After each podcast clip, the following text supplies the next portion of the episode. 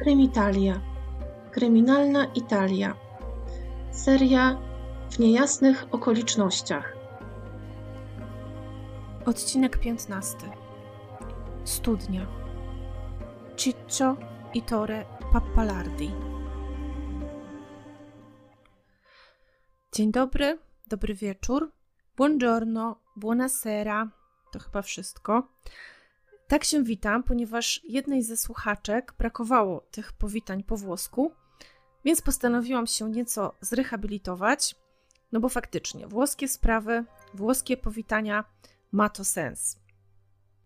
Historia, o której zamierzam dzisiaj opowiedzieć, jest jedną z tych, dla mnie przynajmniej, bardzo, bardzo trudnych i ciężkich, zarówno do opowiadania, jak i do w ogóle robienia researchu na ten temat. E, jak zapewne wiecie, oczywiście wszystkie sprawy kryminalne są niesamowicie smutne i przejmujące, i ciężko przejść koło którejkolwiek z nich obojętnie. Ale są też oczywiście takie historie, które w zależności od pewnie naszego charakteru, naszej wrażliwości i wielu, wielu innych czynników, dotykają gdzieś tam nawet głębszych strun w naszej duszy.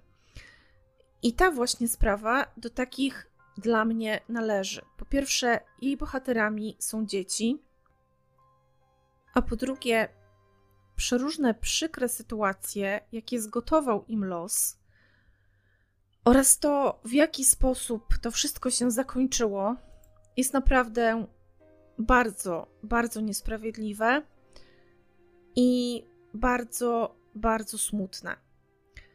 Ale jeszcze nie chcę uprzedzać faktów, tak więc nie będę Wam od razu mówić o co chodzi i jak to się skończy. Przeniosę Was dzisiaj do miejscowości Gravina in Puglia, położonej w regionie Apulia na południu Włoch. Kto z Was ma chęć, to odsyłam do odcinka 13 pod tytułem Zrobię dla Ciebie wszystko z serii Region po regionie, który właśnie opowiada historię z tych okolic. Dzisiaj przenosimy się do roku 2006. Jest czerwiec, a dokładniej 5 czerwca. I w tym właśnie mieście, w Gravina in Puglia, mieszka sobie dwóch chłopców. Są to Francesco i Salvatore Pappalardi. Ale obaj nazywani są y, zdrobniałymi takimi, można powiedzieć, przezwiskami czy skrótami od swoich imion. Na Francesca większość osób mówi Ciccio, a na Salvatore skrótem od jego imienia, czyli po prostu Tore, a więc Ciccio i Tore. I tak będę też ich nazywać podczas opowiadania tej historii.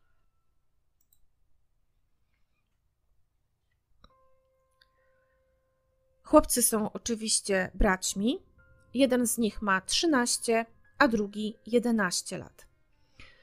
W mieście liczącym sobie około 40 tysięcy mieszkańców, bracia żyją ze swoim ojcem oraz z jego partnerką.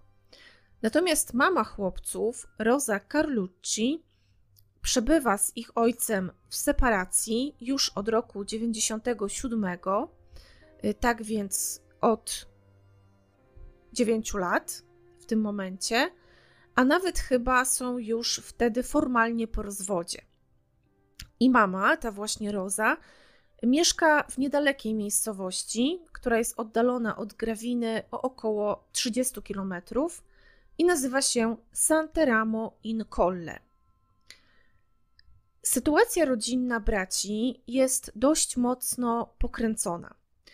Po pierwsze, już samo to, że chłopcy mieszkają ze swoim ojcem, podczas gdy w większości przypadków y, po rozwodzie rodziców dzieci trafiają jednak do matki. Również we Włoszech też jest raczej taka tendencja, że no już nie wiem, co musiałoby się dziać strasznego, żeby faktycznie dzieci dostały się pod opiekę ojca. Nie mówię oczywiście, że jest to słuszne czy sprawiedliwe, tylko po prostu mówię, jaka jest tendencja w tym momencie. Tak więc chłopcy mieszkają ze swoim tatą i to raptem od 20 dni. I ten fakt, że są właśnie pod opieką ojca, a nie mamy, jest wynikiem decyzji sądu dla nieletnich. Sąd tak zdecydował, że e, właśnie Ciccio i Tore powinni trafić pod opiekę swojego taty, a nie mamy. Zaraz wam nieco tutaj naświetlę dlaczego. Ojciec chłopców ma na imię Filippo i nie jest już, tak jak wspomniałam, w związku z ich mamą Rozą, ale ma nową partnerkę. Właściwie, no, może nie taką nową, ponieważ mają już ze sobą też dziecko, mają wspólną trzyletnią córkę. A oprócz tego, ta właśnie kobieta, która ma na imię Maria, ta partnerka Filipa, ma też dwie dorastające córki z poprzedniego związku. Tak więc w tym domu, który tworzą Filippo ze swoją partnerką, mieszka dwóch synów Filipa, wspólna córka Filipa i Marii, mała dziewczynka, i jeszcze dwie córki Marii z poprzedniego związku, nastolatki. Natomiast biologiczna mama chłopców mieszka również ze swoim nowym partnerem, który jest, ma około 60 lat, czyli jest dość mocno od niej starszy, ponieważ w momencie opisywanych wydarzeń Filippo i Maria no, są tak około 40. I mieszka też mm, Roza, czyli mama chłopców, mieszka też ze swoją córką, która jest rodzoną siostrą chłopców. Tak więc wynikiem decyzji sądu dla nieletnich dwóch rodzonych braci trafia pod opiekę ojca, a ich siostra, również rodzona, starsza, trafia pod opiekę mamy, czyli rodzeństwo zostaje rozdzielone. Jak wyjdzie na jaw nieco później, już w trakcie opisywanych y, wydarzeń, dla których w ogóle powstał ten podcast, y, mama chłopców rozstała się z Filipem, ponieważ uważała tak naprawdę ich małżeństwo dosłownie za piekło. Byli razem przez 10 lat, poznali się jako bardzo młodzi ludzie i dość szybko się pobrali. Natomiast chodziło tutaj dość mocno o charakter Filipa, który, no, co tu by dużo nie mówić, był po prostu brutalnym człowiekiem. Nie wiem, nie dotarłam do takich informacji, czy wchodziła tam w grę y, jakaś przemoc typu właśnie bicie, Y, czy, czy przemoc psychiczna, na pewno coś musiało być, ponieważ tak właśnie Roza, mama chłopców, to opisywała, że ze względu na brutalny charakter męża, bardzo gwałtowny, po prostu już tego wszystkiego nie wytrzymała i musiała się z nim rozstać. Podczas gdy była związana jeszcze ze swoim mężem, pracowała y, jako opiekunka dla osób starszych oraz jako taka pomoc domowa, można powiedzieć też pani do sprzątania. Natomiast Filippo był przewoźnikiem w firmie paliwowej. I już po tym, jak się rozstali Roza z Filipem, Roza też no, nie do końca układa sobie to życie od razu na nowo i od razu tak, jakby chciała. Wpada w jakieś dziwne kryzysy emocjonalne, ciągle coś jest nie tak. Dochodzi wręcz do tego, że wychodzi po prostu ze swojego domu i zaczyna wędrować po całych Włoszech. Dosłownie miesiącami jej nie ma. Śpi na przykład na stacji kolejowej w Turynie i spotyka się z jakimiś mężczyznami, chyba jest po drodze w jakichś trzech związkach, które też nie wypalają. Tak więc widać, że nie dzieje się z nią najlepiej. I z tego też powodu, z powodu właśnie tej niemożności ułożenia sobie życia i takich bardzo, no bardzo poważnych problemów psychicznych czy emocjonalnych, właśnie dzieci zostają jej zabrane. Najpierw trafiają do jakiejś tam placówki opiekuńczej, a następnie trafiają do ojca, który właśnie w międzyczasie poznał swoją nową partnerkę. Natomiast wyrok ostateczny w tej sprawie, czyli właśnie to, że, że chłopcy zamieszkają z ojcem, a córka zostaje przy matce, zapadł, tak jak mówię dosłownie, na 20 dni przed tym, o czym Wam zaraz opowiem. Tak jak wspomniałam, jesteśmy w 2006 roku i jest wieczór 5 czerwca. I wtedy też właśnie tego dnia Ciccio i Tore nie wracają po zabawie na dworze do domu. Sekwencja wydarzeń jest taka, że chłopcy po powrocie ze szkoły, jak zwykle, odrobili lekcje, gdzieś tam w kąt rzucili swoje plecaki i wyszli z domu. Było to już po południu, czyli zakładam, że na pewno około 15-16. I była to ich taka właściwie rutyna. No jak to dzieci w tym wieku, 11 i 13 latek, chcieli się pobawić poza domem, trochę pobiegać.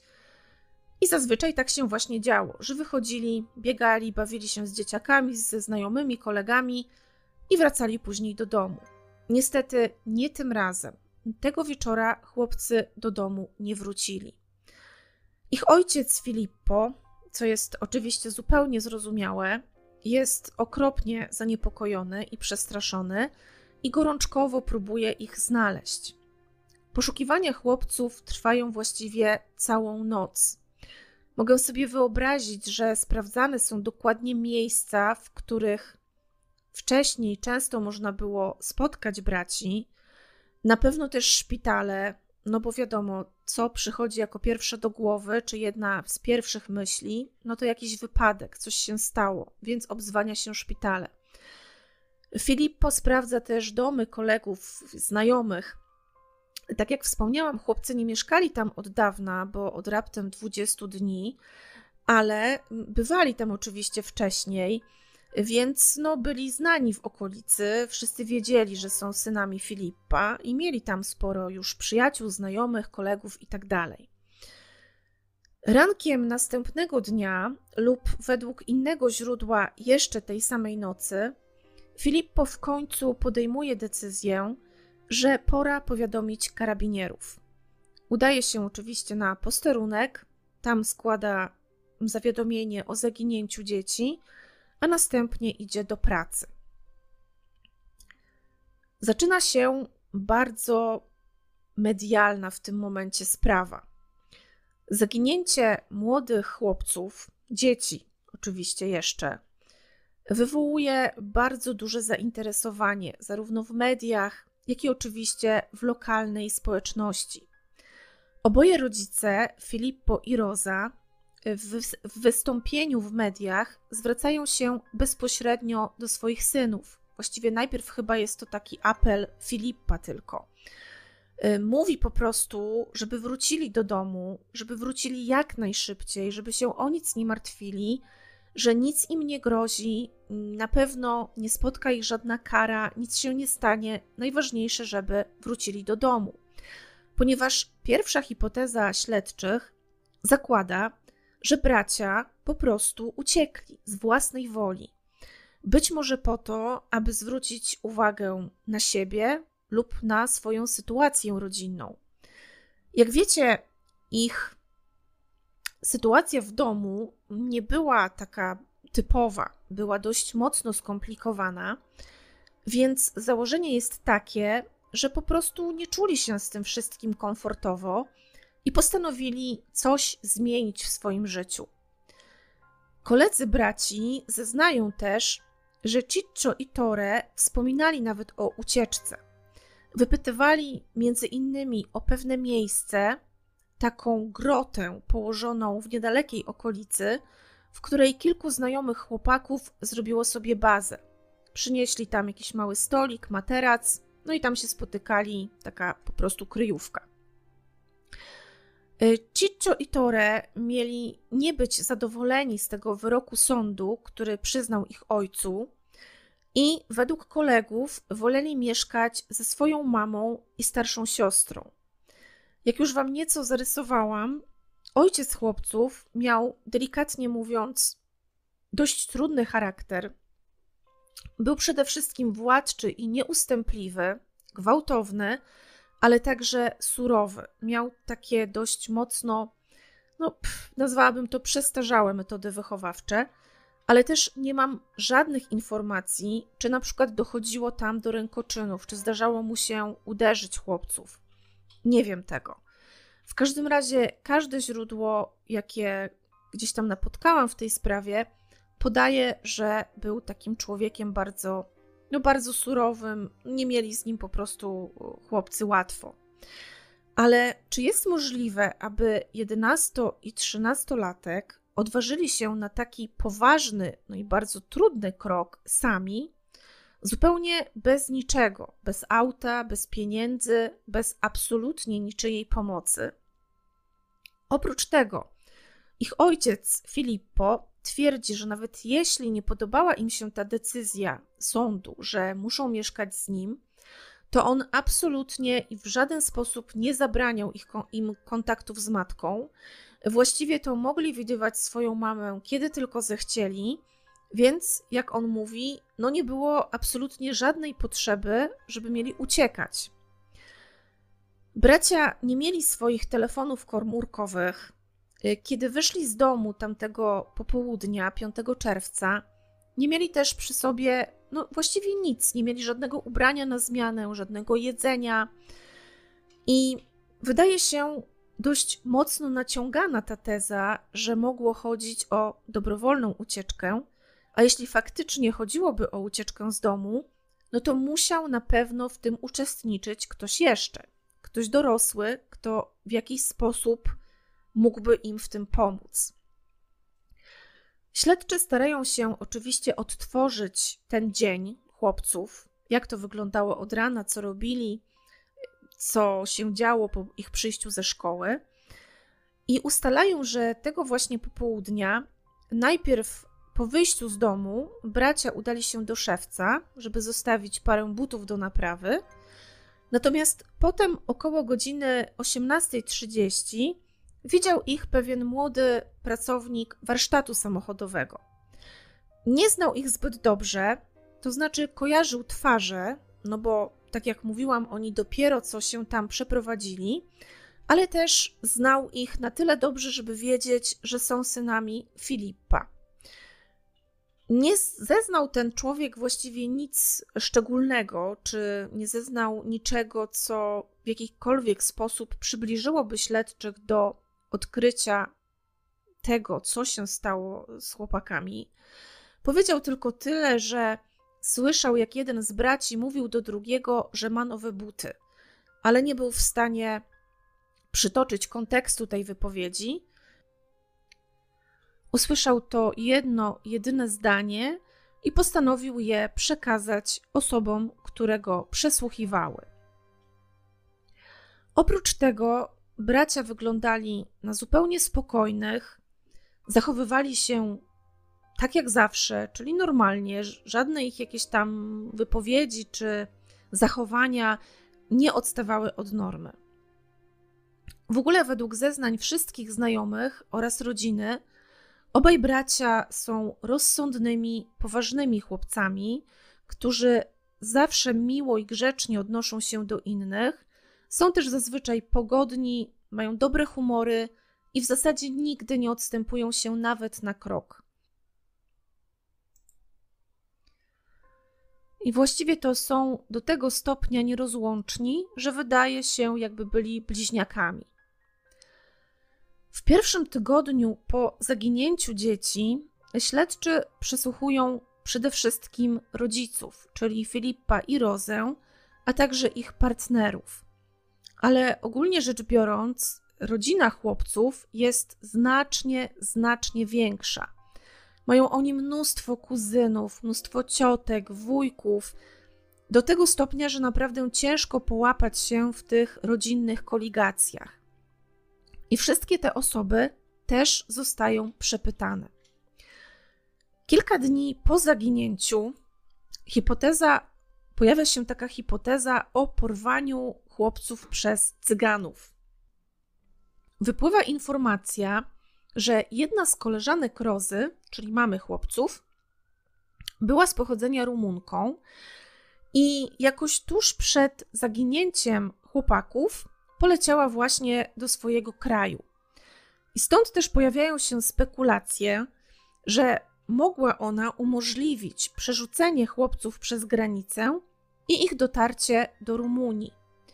3 lipca policjanci lecą nawet do Bukaresztu, żeby sprawdzić ten wątek, ale jednak nic z tego. Sprawa znowu utyka w martwym punkcie. I tutaj w tym momencie, jeśli w ogóle była taka opcja brana pod uwagę, no to chyba też zakładano od razu jakiś tam udział matki, że skoro to była przyjaciółka czy tam koleżanka mamy chłopców, to być może właśnie też i mama ma z tym coś wspólnego.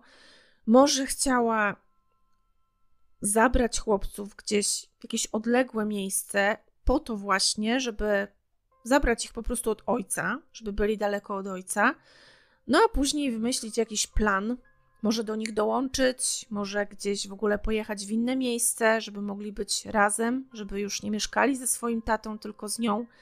No ale wydaje się to nadal dość mocno naciągane. Sprawa już w tym momencie, tak jak Wam już wspomniałam, staje się ogromnie medialna. Również ludzie mieszkający w Grawinie są naprawdę tym wszystkim przerażeni. Pojawiają się przeróżne spekulacje. Przede wszystkim to, że za ucieczką chłopców może kryć się coś więcej. Być może tuż koło nich, może jakiś sąsiad, znajomy, mieszka ktoś, kto mógł zrobić im krzywdę. Pojawiają się pogłoski o pedofilach, członkach mafii, różnego sortu włóczęgach, satanistach i tym podobne rewelacje. Zresztą mechanizm w takich sytuacjach, ten mechanizm powiedzmy socjologiczny, jest chyba zazwyczaj podobny. Czy mniejsza miejscowość, czy większa, w takiej sytuacji, kiedy no, znika bez śladu dziecko, a tutaj nawet dwoje dzieci, no to w pewnym momencie, kiedy już ta hipoteza o dobrowolnym oddaleniu się od domu musi niestety upaść, czy jakoś tam powoli upada, no to pojawiają się przeróżne domysły, co mogło się stać, czy oczywiście pierwsza, pierwsza chyba myśl, no to ktoś na pewno w tym maczał palce, ktoś zrobił dzieciom krzywdę. I tak jest też tutaj. W międzyczasie, co jest też, wydaje mi się, dość powszechne, Filippo i Rosa zaczynają oskarżać się nawzajem o ucieczkę synów. Rosa mówi nawet wprost w pewnym momencie, że jest pewna, że za tym wszystkim stoi jej były mąż. To on porwał, lub nawet pojawia się takie sformułowanie, że zamordował ich synów, ponieważ nie chciał, żeby wracali do matki. To jest dosyć zastanawiające, ponieważ raptem kilka dni wcześniej Roza też wypowiedziała takie zdanie, że jej synowie są bezpieczni pod opieką kogoś, komu ufają. A teraz nagle zmienia tę wersję i rzuca oskarżenia w kierunku Filipa. Także to jest dosyć mocno podejrzane. Filippo oczywiście odbija ze swojej strony piłeczkę i jest przekonany, że jego żona, jako osoba niestabilna psychicznie i z wieloma problemami natury emocjonalnej, ukryła na pewno gdzieś ich synów i nie chce wyjawić miejsca ich pobytu.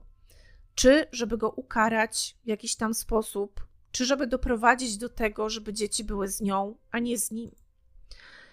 W sprawę włącza się nawet lokalny proboszcz, który sugeruje, żeby dużo lepiej przyjrzeć się matce chłopców, ponieważ wydaje mu się ona zimna i bardzo zdystansowana. W przeciwieństwie do Filipa, który z kolei jest gwałtowny i łatwo wpada w gniew.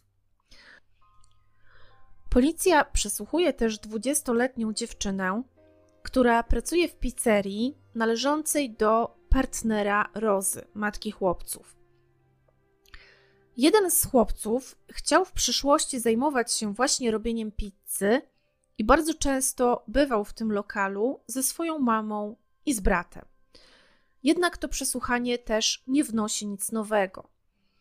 Sprawa jest na tyle głośna, że nawet papież Benedykt XVI z niepokojem, jak sam mówi, śledzi te wydarzenia i modli się o bezpieczny powrót dzieci do domu.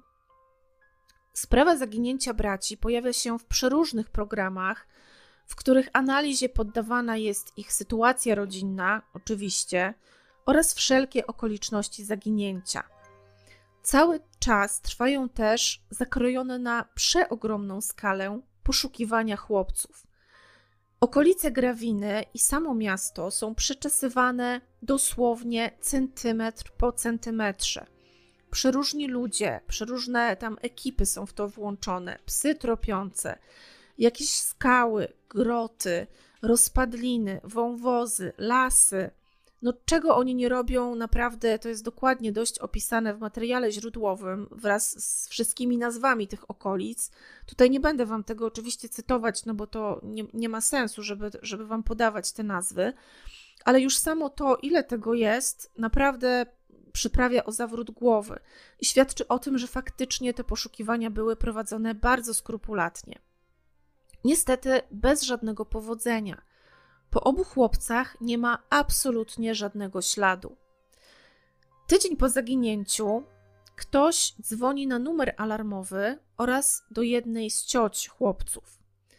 W słuchawce słychać takie słowa: Tu Ciccio i Salvatore, przyjdźcie po nas do lasu.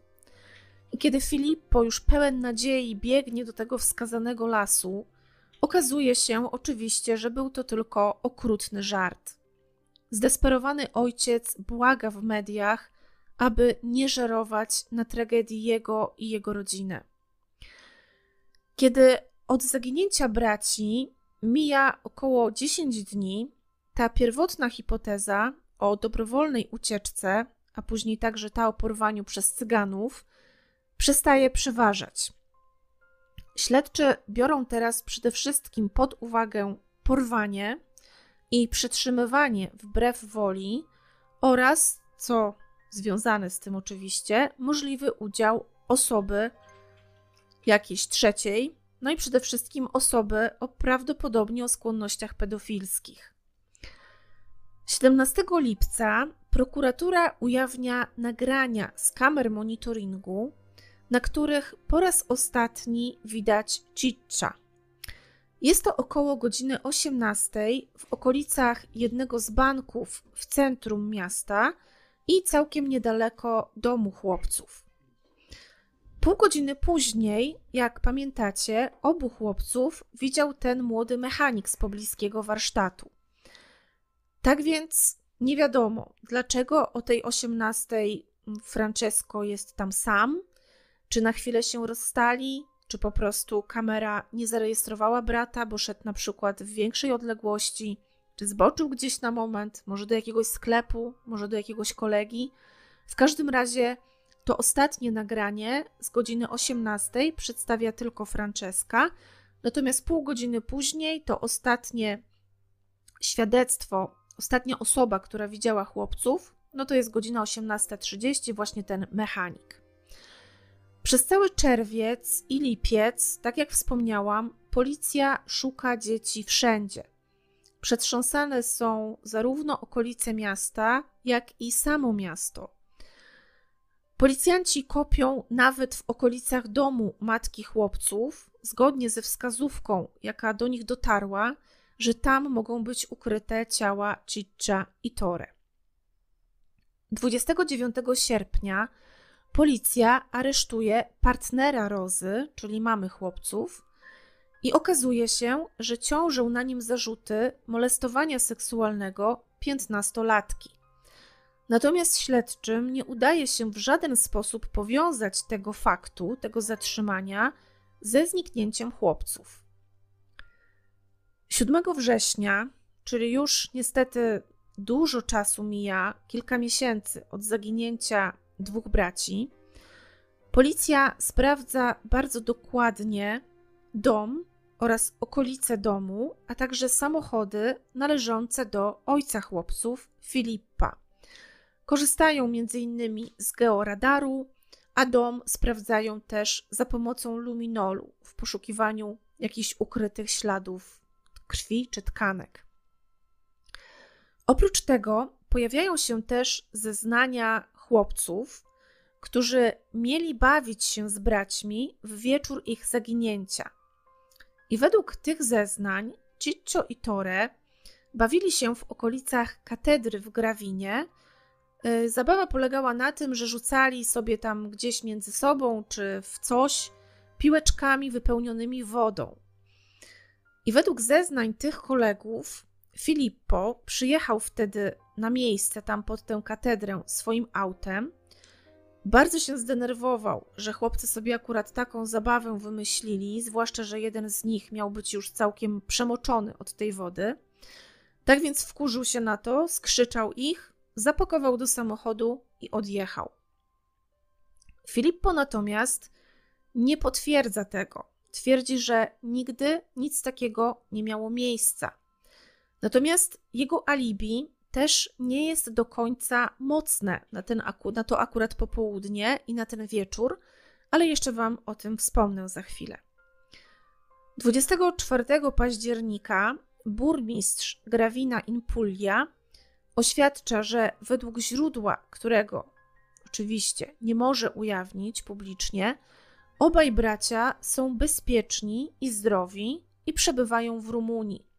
Powraca więc po raz kolejny na chwilę ten wątek rumuński, czy tam on był też połączony z tym wątkiem porwania przez Cyganów, bo gdzieś tam też w okolicach tego miasta był jakiś tabor cygański, nie wiem jak to nazwać, jakaś społeczność po prostu romska czy cygańska. Też wybaczcie, jeśli ja źle używam tych słów, nie chcę absolutnie nikogo obrazić, ale nie wiem, czy to jest tożsame ze sobą, czy jeszcze się w ogóle mówi cyganie, czy się raczej mówi Romowie. I oczywiście zdaję sobie sprawę z tego, że Rumunie, Rumuni to nie jest to samo co Cyganie czy Romowie, więc tutaj też jest takie dosyć mocne uproszczenie, myślę, ze strony czy, czy dziennikarzy, którzy pisali na ten temat artykuły, czy właściwie śledczych, bo nie wiem, jak to, jak te dwa wątki były ze sobą powiązane. W każdym razie w artykułach tych dziennikarskich zawsze wychodzi na to, że jest wątek cygański, gdzieś tam cyganie porwali braci i wywieźli do Rumunii. I się przeplata też to z tą przyjaciółką matki, która była Rumunką. Tak więc niestety no, brzmi to dosyć mocno absurdalnie y, i jest to raczej mocno naciągane. W każdym razie od razu Wam uprzedzę fakty, że y, ta akurat y, hipoteza się nie potwierdzi. 27 listopada 2007 roku, czyli już ponad rok po zaginięciu braci, policja dokonuje zatrzymania ich ojca Filipa. W tym momencie postawione mu zostają zarzuty porwania, podwójnego zabójstwa, ukrywania ciał oraz nakłaniania swojej partnerki do składania fałszywych zeznań. Według śledczych Filippo zabił swoich synów już w dniu zgłoszenia ich zaginięcia. Być może dlatego, że coś przeskrobali lub byli nieposłuszni, a wiadomo, że miał on dosyć ostre metody wychowawcze, a zaraz później w jakimś miejscu odosobnionym starannie ukrył ich ciała. Według tezy prokuratury, Filippo nie chciał, żeby synowie byli obecni w jego nowym życiu. Miał już nową rodzinę, jego partnerka miała swoje dwie córki, mieli wspólne dziecko, a bracia ciągle im przeszkadzali, byli nieposłuszni i nie przestrzegali jego reguł. Co ciekawe, telefon Filipa w dzień zaginięcia synów był przez kilka godzin całkiem wyłączony. I to akurat wtedy, kiedy było już wiadomo, że dzieci nie ma, że zaginęły, i wtedy, kiedy trwały poszukiwania. Dlaczego więc Filippo wyłączył komórkę, skoro czekał na wieści o synach? Dla prokuratury jest to oczywiste dlatego że miał coś na sumieniu. Alibi mężczyzny, tak jak wspomniałam, też ma kilka luk, których w żaden sposób nie daje się zapełnić. Sam Filippo twierdzi, że jest niewinny. Jego adwokat natomiast wskazuje na brak twardych dowodów w sprawie, jedynie same poszlaki oraz słaby motyw. No właściwie po co Filippo miałby zabijać swoje dzieci? Byli przy nim, dostał opiekę nad nimi. Nie słyszało się wcześniej o jakiejś z jego strony niechęci do synów, czy o czymkolwiek takim. Tak więc ta, ten motyw wydaje się stronie broniącej dość mocno naciągany.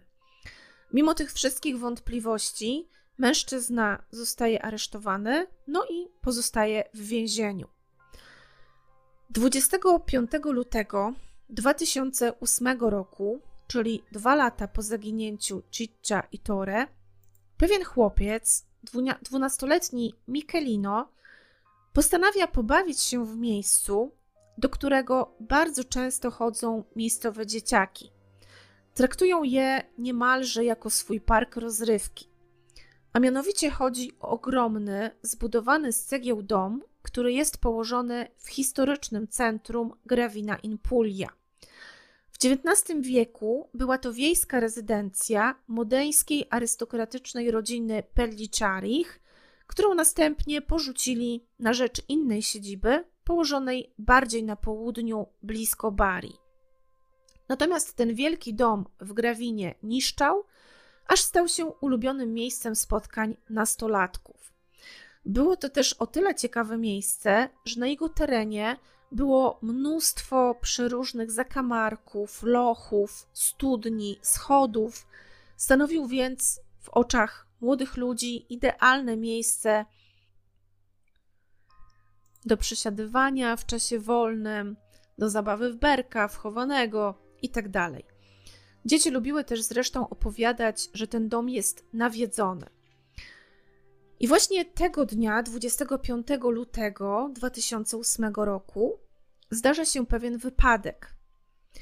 Michelino podczas zabawy w tym wielkim domu wpada do studni, która jest zakończona dużą cysterną. Z tego co zrozumiałam, chodziło o to, że do tej studni można było wpaść przez jakiś wąski tunel, który ciągnął się przez niemalże kilkadziesiąt metrów i kończył właśnie taką jakby wbudowaną w ziemię, w lochy cysterną. I ten mały Michelino przeleciał właśnie przez te kilkadziesiąt metrów, przez ten tunel, wylądował na twardym podłożu i jakimś cudem wyszedł z tego cało. Na pomoc bardzo szybko przyjeżdżają strażacy, którzy zostali zaalarmowani przez pozostałe dzieci, które tam bawiły się, biegały w tym starym domu. No i przychodzi też oczywiście natychmiast tłum ciekawskich. Strażacy schodzą do tej studni, na samo dno, do tej cysterny i odnajdują tam Mikelina, który jest wyziębiony, jest oczywiście w szoku, ale poza tym, naprawdę jakimś cudem, jego stan jest dobry. Jednak oprócz chłopca, strażacy znajdują na dnie cysterny coś jeszcze. Są to niestety ciała dwojga dzieci. Ze względu na szczególne warunki panujące w tym miejscu, zwłoki są niemalże zmumifikowane. Nie sposób stwierdzić od razu, od jak dawna się tam znajdowały. Natomiast co od razu się rzuca w oczy, to to, że na ścianach studni widoczne są ślady zadrapań, jakby po paznokciach, które dobitnie świadczą o tym, że dzieci rozpaczliwie próbowały wydostać się na zewnątrz. Przeprowadzona wkrótce później autopsja potwierdza, że odnalezione ciała należą do zaginionych dwa lata wcześniej braci Ciccia i Tore Pappalardich. Jednak jak to się mogło stać? Po pierwsze, czy chłopcy wpadli do studni sami w wyniku nieszczęśliwego wypadku, czy ktoś jednak im w tym pomógł? I po drugie, jakim cudem przy tak szeroko zakrojonych, drobiazgowych poszukiwaniach nikt nie natrafił na żaden ślad zaginionych dzieci w tym opuszczonym domu? Jakim cudem nikt nie wpadł na pomysł, żeby tam szukać w pierwszej kolejności? Zwłaszcza, że było to jedno z ulubionych miejsc miejscowych dzieciaków. Autopsja, oprócz tego, że potwierdza tożsamość chłopców, wykazuje również, że ich ciała nie noszą żadnych zewnętrznych śladów przemocy. Wszystkie obrażenia i złamania zostały spowodowane upadkiem z dużej wysokości. Ciccio umarł pierwszy w wyniku krwotoku i było to około 8 godzin od upadku. Tore żył jeszcze prawdopodobnie od 36 do 48 godzin po upadku. Zmarł we śnie z głodu, zimna i z powodu utraty krwi. Naprawdę, jak o tym pomyślę, to jest mi strasznie źle i strasznie smutno, jak te dzieci się tam musiały czuć okropnie. Jak się musiał czuć ten brat, który przeżył, który widział, że brat, z którym był praktycznie nierozłączny, z którym był, byli jak bliźniacy, z którym robili wszystko, już nie żyje, a on nie jest w stanie ani mu pomóc, ani stamtąd uciec, ani nie zrobić kompletnie nic. Nie jestem sobie w stanie tego wyobrazić. To musi być naprawdę okropna śmierć, okropna, na którą nikt, a zwłaszcza dziecko, nigdy nie zasługuje. Śledczy ustalają też, że nie ma żadnych świadków tego wydarzenia. Nikt nie słyszał żadnego wołania o pomoc, żadnych krzyków, ani też, jak już wspomniałam, nikomu nie przyszło do głowy, żeby właśnie tam szukać chłopców. I powiem szczerze, że skoro ten dom uchodził za taki niemal park rozrywki dla miejscowych dzieci, to wydaje mi się, że dla mnie byłoby to niemalże pierwsze miejsce do sprawdzenia. Ale może artykuły prasowe gdzieś tam się mylą w którymś momencie. Może było to jakieś tam miejsce, do którego czasem dzieci chodziły, ale nie było na tyle popularne, żeby aż tam od razu sprawdzać. Nie wiem, nie mam pojęcia. W każdym razie wydaje mi się, że każda miejscowość coś takiego ma. Jakiś tam, nie wiem, opuszczony dom, jakieś ruiny, jakiś zamek. Nie tylko w Polsce, ale właśnie też we Włoszech. Na pewno jest coś takiego, że w, w każdym miasteczku, większym mieście jest takie miejsce, do którego właśnie często chodzą dzieci i gdzieś tam się bawią, dzieci może nie, ale już nastolatkowie pewnie, i gdzieś tam sobie spędzają czas, bawią się i tak dalej. Więc wydaje mi się naprawdę niespotykane, że akurat tego domu w ogóle nie przeszukano, albo przeszukano niedokładnie. Oprócz tego, na dnie tej studni policja odnajduje też baterię telefonu Motorola, ale do dziś nie wiadomo, do kogo ona należała. Zrobimy teraz skok nieco w czasie i przeniesiemy się do roku 2016, Wtedy to, w tym roku, Filippo, ojciec chłopców, zostaje ostatecznie oczyszczony ze wszystkich zarzutów. Na, wychodzi też na jaw, że dzieci, które w tamtym czasie zeznawały, że wieczorem 5 czerwca skrzyczał on swoich synów i zabrał ich do auta, tym razem mówią, że od samego początku podkreślały w swoich zeznaniach, że nie pamiętają dokładnie, czy to był na pewno ten konkretny dzień, 5 czerwca, czy jakiś inny. Nie jest to oczywiście dla mnie zupełnie dziwne, ponieważ jeśli byli przesłuchiwani nawet i kilka dni po zaginięciu, to te dni faktycznie mogły im się zlać ze sobą, y, mogli, mogli się pomylić zdecydowanie, zwłaszcza, że to były no jeszcze, jeszcze dzieci, tak na pewno mieli około 10, 11, 12 lat. E, Filippo otrzymuje też spore odszkodowanie pieniężne za niesłuszne mm, aresztowanie. No i tam spędził te kilka miesięcy pewnie, czy nawet więcej w areszcie, a także za szkody moralne. E, przeczytałam też ciekawą wypowiedź jednego z dziennikarzy, który zauważa, że Pappalardi, właśnie Filippo, był idealnym wprost sprawcą w oczach opinii publicznej. Był prostym człowiekiem, właściwie półanalfabetą, z pokręconym życiem prywatnym, bardzo surowo wychowującym swoje dzieci. Sam dorastał w zdegradowanym środowisku głębokiego południa, a do tego był mrukliwy, gwałtowny i niezbyt przyjemny dla ludzi.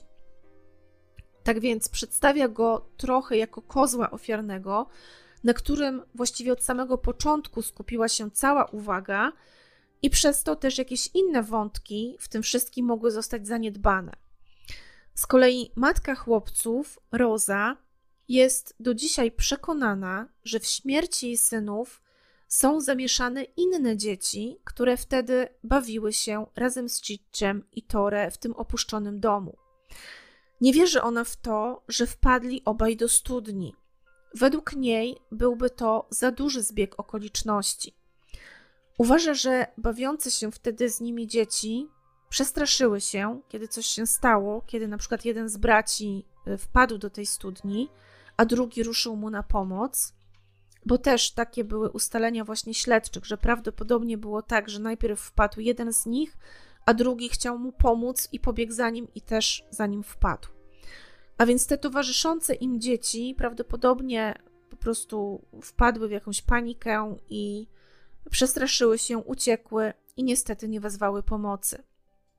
Tak więc, według słów mamy, do dzisiaj może jest ktoś, kto wie, co się wtedy wydarzyło, tylko po prostu boi się powiedzieć. Na bazie tego, co wiemy o tej sprawie, na pewno można postawić co najmniej kilka hipotez co do tego, co się wtedy wydarzyło. Przede wszystkim mógł być to nieszczęśliwy wypadek. Jeśli dzieci poszły do opuszczonego domu, który był pełen przeróżnych zakamarków, nie zawsze niestety bezpiecznych i nie był też w żaden sposób zabezpieczony, no to o taki wypadek było na pewno nietrudno. Zwłaszcza, że mama tam twierdziła, że to by był za duży zbieg okoliczności, że dwoje dzieci wpadło do, do tego tunelu. No ale jak wiemy, w lutym 2008 roku kolejne dziecko tam wpadło. Ten Michelino, który, dzięki któremu właściwie znaleziono chłopców. Czyli tak naprawdę było to bardzo prawdopodobne, że do niezabezpieczonego tunelu, który był wąski, ale na pewno dziecko mogło się tam zmieścić, w bardzo prosty sposób można było wpaść, no i nieszczęście gotowe. Więc tak naprawdę ta teza o nieszczęśliwym wypadku wydaje się bardzo, no bardzo prawdopodobna. Na pewno ma ręce i nogi. Związana z tym hipoteza to właśnie ta, o której mówi mama chłopców, czyli być może chłopcy z kimś tam się bawili, może nawet jakaś zabawa skończyła się po prostu źle, może któryś z dzieci ich popchnęło na przykład, czy jednego z braci popchnęło. I później ze strachu przed konsekwencjami, zamiast zawołać kogokolwiek, pójść po pomoc, no to woleli milczeć, uciec i udawać, że nic się nie stało. Nie wiem, czy jest to możliwe, na pewno jest w jakiś tam sposób prawdopodobne. Kolejna sprawa. Jeśli uznamy, że nie był to nieszczęśliwy wypadek, ani zabawa, która skończyła się w nieszczęśliwy sposób, no to co nam pozostaje? Pozostaje to, o czym śledczy zaczęli mówić już bardzo krótko po zaginięciu dzieci, czyli udział rodziców. Na pewno fakt jest faktem, że ta rodzina nie była tak do końca dobrze funkcjonująca. Na pewno było tam dużo przeróżnych niefajnych rzeczy. Po pierwsze, to, że rodzice byli w separacji, ale też nie rozstali się w zgodzie. Na pewno było tam bardzo dużo żalu, y, dużo konfliktów, sporów. Na pewno rodzice też nie byli w stanie polubownie dogadać się co do tego, jak ma wyglądać w ogóle to wychowywanie dzieci. Mama ewidentnie miała problemy, skoro tułała się po kraju, zamiast zajmować się dziećmi, spała gdzieś tam po dworcach, miała przeróżne przygodne znajomości, które nie zawsze się dobrze kończyły. E, no to faktycznie można mm, przypuszczać, że chłopcy mieli już po prostu tego dosyć. Może zaczęło się tak faktycznie, że chcieli od tego wszystkiego uciec i coś poszło nie tak i doszło do wypadku. A być może której z rodziców miało w tym jakiś udział. To oczywiście jest tylko i wyłącznie, to są tylko spekulacje, bo wiadomo, ojciec został uwolniony, oczyszczony z zarzutów, ale nadal na pewno gdzieś tam takie twierdzenia krążą też po internecie, że być może któreś z rodziców na złość drugiemu zrobiło coś chłopcom. No i kolejna rzecz, czyli porwanie chłopców przez kogoś obcego. Być może miało to być porwanie, y, ale też zakończyło się nie tak, jak było na początku planowane. Może ta osoba o skłonnościach pedofilskich nie wiedziała, co ma dalej zrobić, może to było w cudzysłowie jakieś tam działanie spontaniczne i z braku jakichkolwiek innych pomysłów wrzuciła, wrzucił ten ktoś chłopców do studni. Chodziły też e, w trakcie trwania śledztwa takie właśnie pogłoski, że y, gdzieś tam właśnie w okolicach, w których, w których mieszkali chłopcy, chyba około, na około miesiąc przed ich zaginięciem, pojawiał się jakiś dziwny mężczyzna, który wydawał się właśnie mieć takie skłonności niezdrowe i nawet miał on zaczepiać czy nawet molestować chłopców. Ale nie wiem, czy to zostało w 100% potwierdzone. Na pewno takie informacje w artykułach prasowych też się pojawiały. W każdym razie do dzisiaj nie wiadomo, co tak naprawdę przytrafiło się Ciccowi i Tore. Jak to się stało, że wpadli do tej studni. Jak to się stało, że nikt tego nie widział, nie słyszał, nawet wołania o pomoc, jeśli tam biegało dużo dzieci, no to coś ktoś musiał słyszeć. Jak to się stało, że pomimo tak skrupulatnych poszukiwań, nikt kompletnie nie wpadł na pomysł, żeby dokładniej przeszukać ten wielki dom, w którym tak często dzieci się bawiły i biegały. Nie wiem, naprawdę ale muszę przyznać, że ta sprawa na pewno zostanie ze mną na długo, bo tak jak wspomniałam, chłopców spotkał straszny koniec, straszny los i ogrom ich strachu, przerażenia, ich emocji. Nawet nie chcę sobie tego wyobrażać, co oni musieli czuć w tamtej, w tamtej chwili. Nie wiem, czy kojarzycie, ale jakiś czas temu była też taka dość głośna sprawa. Ja to śledziłam na włoskich stronach, bo ona tam była bardzo mocno opisywana, w Polsce chyba mniej, ale o małym chłopcu z Hiszpanii, który też właśnie w podobnych okolicznościach stracił życie. On niestety z kolei wpadł do jakiegoś mega długiego tunelu. Jakieś odwierty były niezabezpieczone na terenie należącym do jego rodziców, i on przez taką ogromnie długą, długaśną rurę, wpadł w ogóle pod ziemię. I później przez bardzo wiele dni trwała akcja ratunkowa. Y, niestety ratownicy nie mogli się i strażacy przedostać przez ten tunel, ponieważ on był zwyczajnie za wąski. To dziecko się tam zmieściło, bo miało chyba 4 lata czy 3, ale dorosła osoba nie mogła się przecisnąć, więc oni, z tego co czytałam, musieli wykuć równoległy tunel odpowiednich rozmiarów żeby drążyć, po prostu drążyli ten tunel w skale przez wiele, wiele dni, żeby się dostać do tego miejsca, w którym wylądował chłopiec. Niestety, oczywiście, było to pewnie wiadomo od samego początku, nie udało się go uratować, ale z tego co pamiętam, autopsja wykazała, że on zginął właściwie od razu.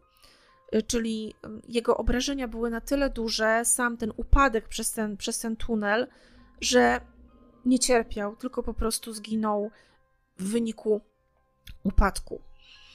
Natomiast tutaj było zupełnie inaczej. Chłopcy cierpieli przez wiele godzin, zarówno jeden, jak i drugi, co wydaje mi się przerażające i totalnie, totalnie niesprawiedliwe.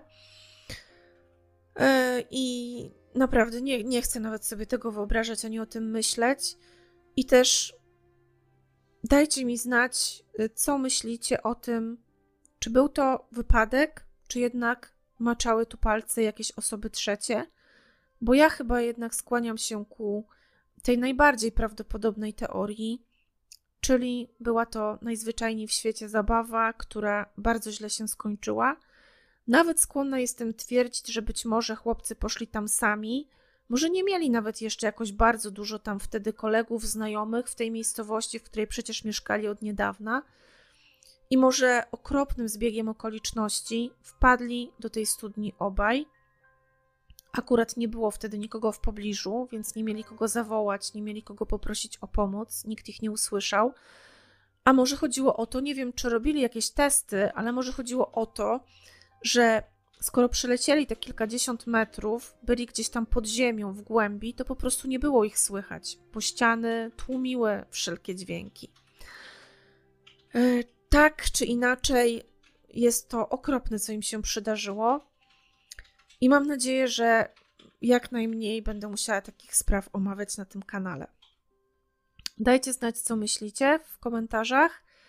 Nie zapominajcie oczywiście o subskrypcji kanału, o śledzeniu Instagrama, Facebooka, bo tam też się te ciekawe informacje pojawiają. No i trzymajcie się. Słyszymy się jak zawsze za tydzień. Ciao, ciao.